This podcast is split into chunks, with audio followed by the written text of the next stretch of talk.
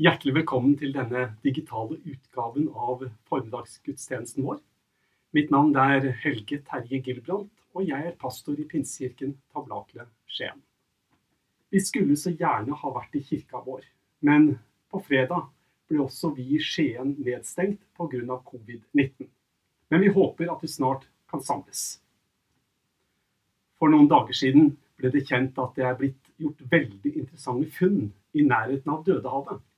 I det området der de såkalte Dødehavsrullene ble funnet. Dødehavsrullene er jo eldgamle tekster som på dramatisk vis ble funnet i årene 1947-56. Tekstene fra tida 250 år før Kristus til 90 år etter Kristus. Og altså nå, denne uka, er det blitt kjent at for første gang på rundt 60 år har arkeologiske utgravninger avdekka deler av bibelske skriftruller. Blant det som er funnet, er en veldig interessant tekst fra profeten Zakaria. Og se på denne bagen. Denne er 10 000 år gammel og nesten like hel som da den ble laga. Den omtales som den eldste kurven i verden. Svær er den også, nærmere 100 liter. Og de som har studert den, sier at den kan ha blitt vevd av to personer, og den ene var mest sannsynlig venstrehendt. Men altså, utgravningene har pågått i flere år, i grotter og blant steinklipper i Judea-ørkenen.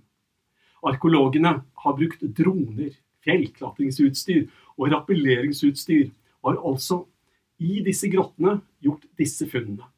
Her er et kort videoklipp fra ekspedisjonen med kommentarer fra Dagbladet. Israelske arkeologer har gjort et oppsiktsvekkende funn av en bibelsk skriftrull. Den omtales nå som et av de mest betydningsfulle funnene siden Dødehavsrullene. Utgravingene har pågått i flere år i grotter og blant klipper i ørkenen i Judea. Der har de brukt droner, fjellklatringsutstyr og rappelleringsutstyr. Ifølge IAA skal skriftrullen være 2000 år gammel, Arkeologene fant også et 6000 år gammelt skjelett av et barn og en kurv som er over 10 000 år gammel, og som omtales som den eldste som er funnet i verden. Fragmentene av denne bibelske bokrullen inneholder tekster skrevet på gresk og er fra de tolv småprofetene som utgjør siste delen av Det gamle testamentet. I et av fragmentene finnes versene fra profeten Zakaria kapittel 8, vers 16-17. Og det er det verset som jeg skal knytte noen tanker til. Dette er budene dere skal holde. Snakk sant til hverandre. Døm rett og sant i byportene. Fell dommer som skaper fred. Tenk ikke ut ondt mot hverandre i hjertet.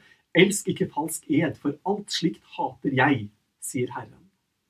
Og Jeg syns det er spennende å se hvordan Zakaria formulerer seg, og hvordan han bygger opp et argument som består av fire hovedpåstander. To er positive, og to er sagt i en negativ sammenheng. Altså to sier hva du skal gjøre, og de to siste sier hva du ikke skal gjøre. Introduksjonen til dette er jo ganske tydelig og forståelig. Profeten Zakaria sier dette er budene dere skal holde. Og Så får vi disse fire skal vi si, områdene. For det første, snakk sant til hverandre. For det andre, døm rett og sant i byportene, fell dommer som skaper fred. For det tredje, tenk ikke ut ondt mot hverandre i hjertet. Og for det fjerde, elsk ikke falsk ed. Det er jo spennende å legge merke til hvordan disse argumentene hører sammen, og på en måte forsterker hverandre. Egentlig gjentar Zakaria det samme argumentet, både med positivt og negativt fortegn. Hvis du sammenligner påstand 1 og påstand 3, og deretter påstand 2 og påstand 4, da blir det to formaninger til oss og de uttrykkes slik som dette. Første formaning er snakk sant til hverandre og tenk ikke ut ondt mot hverandre i hjertet. Altså nesten samme sak sagt først positivt og deretter negativt. Og det samme gjentar seg i det vi kan kalle den andre formaningen. Døm rett og sant i byportene, fell dommer som skaper fred, og elsk ikke falsk ed. Og så avslutter Zakaria med en alvorlig advarsel. For etter at han har sagt 'tenk ikke ut ondt mot hverandre i hjertet' og 'elsk ikke falsk ed', så advarer han og sier 'for alt slikt hater jeg', sier Herren. Når Zakaria her summerer opp hvordan Gud vil vi skal leve, så blir det to hovedpoeng. For det første skal vi være ærlige mot hverandre, snakke sant til hverandre. Dernest, når det blir uenighet, så skal det løses ved en rettferdig behandling der den svake blir ivaretatt. I Norge har vi et flott ideal. Det er likhet for loven. I en tvist skal ikke ting avgjøres verken med penger eller vennskap. Uenighet skal avgjøres etter en saklig og rettferdig vurdering. Og jeg tror Zakaria hjelper oss til å huske at Guds veiledning til oss i etiske spørsmål, det er veldig praktisk. Sann kristen etisk tenkning er ikke litt åndelig og litt praktisk. Vi må ikke dele den kristne troen opp i to deler og lage kunstige skiller.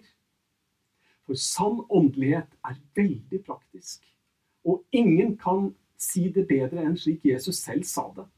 Og jeg tenker på den gangen Jesus ble spurt om hvilke bud som var det største. Det virker som om Jesus var helt på linje med Zakaria da Jesus svarte, og han formulerte det slik som dette. Du skal elske Herren din Gud av hele ditt hjerte og av hele din sjel og av all din forstand. Og så fortsetter Jesus og sier, dette er det største og første budet. Men det er et annet som er like stort. Du skal elske din neste som deg selv. På disse to budene hviler hele loven og profetene. Å elske Gud er å elske Ham som er både rettferdig og nådig. I Gud er sannheten og nåden smelta sammen, og vårt kall er å tro på Gud og følge det Han har sagt. De 2000 år gamle skriftbitene som nylig ble funnet i ei grotte ute i Judearkenen, de har fremdeles aktualitet. Det er fremdeles Guds ord til oss. Dette er budene dere skal holde. Snakk sant til hverandre. Døm rett og sant i byportene. Fell dommer som skaper fred. Tenk ikke ut ondt mot hverandre i hjertet. Elsk ikke falsk ed. For alt slikt hater jeg, sier Herren. Gode medvandrere, takk for at du så på. Fra Palmesøndag kommer vi til å legge ut en liten andakt for hver dag. Håper at det kan passe for deg å stoppe opp litt og lytte og se og reflektere. Ta imot Herrens velsignelse. Herren velsigne deg og bevare deg. Herren la sitt ansikt lyse over deg og være deg nådig. Herren løfte sitt ansikt på deg og gi deg fred. I Faderens, Sønnens og Den hellige ånds navn. Amen.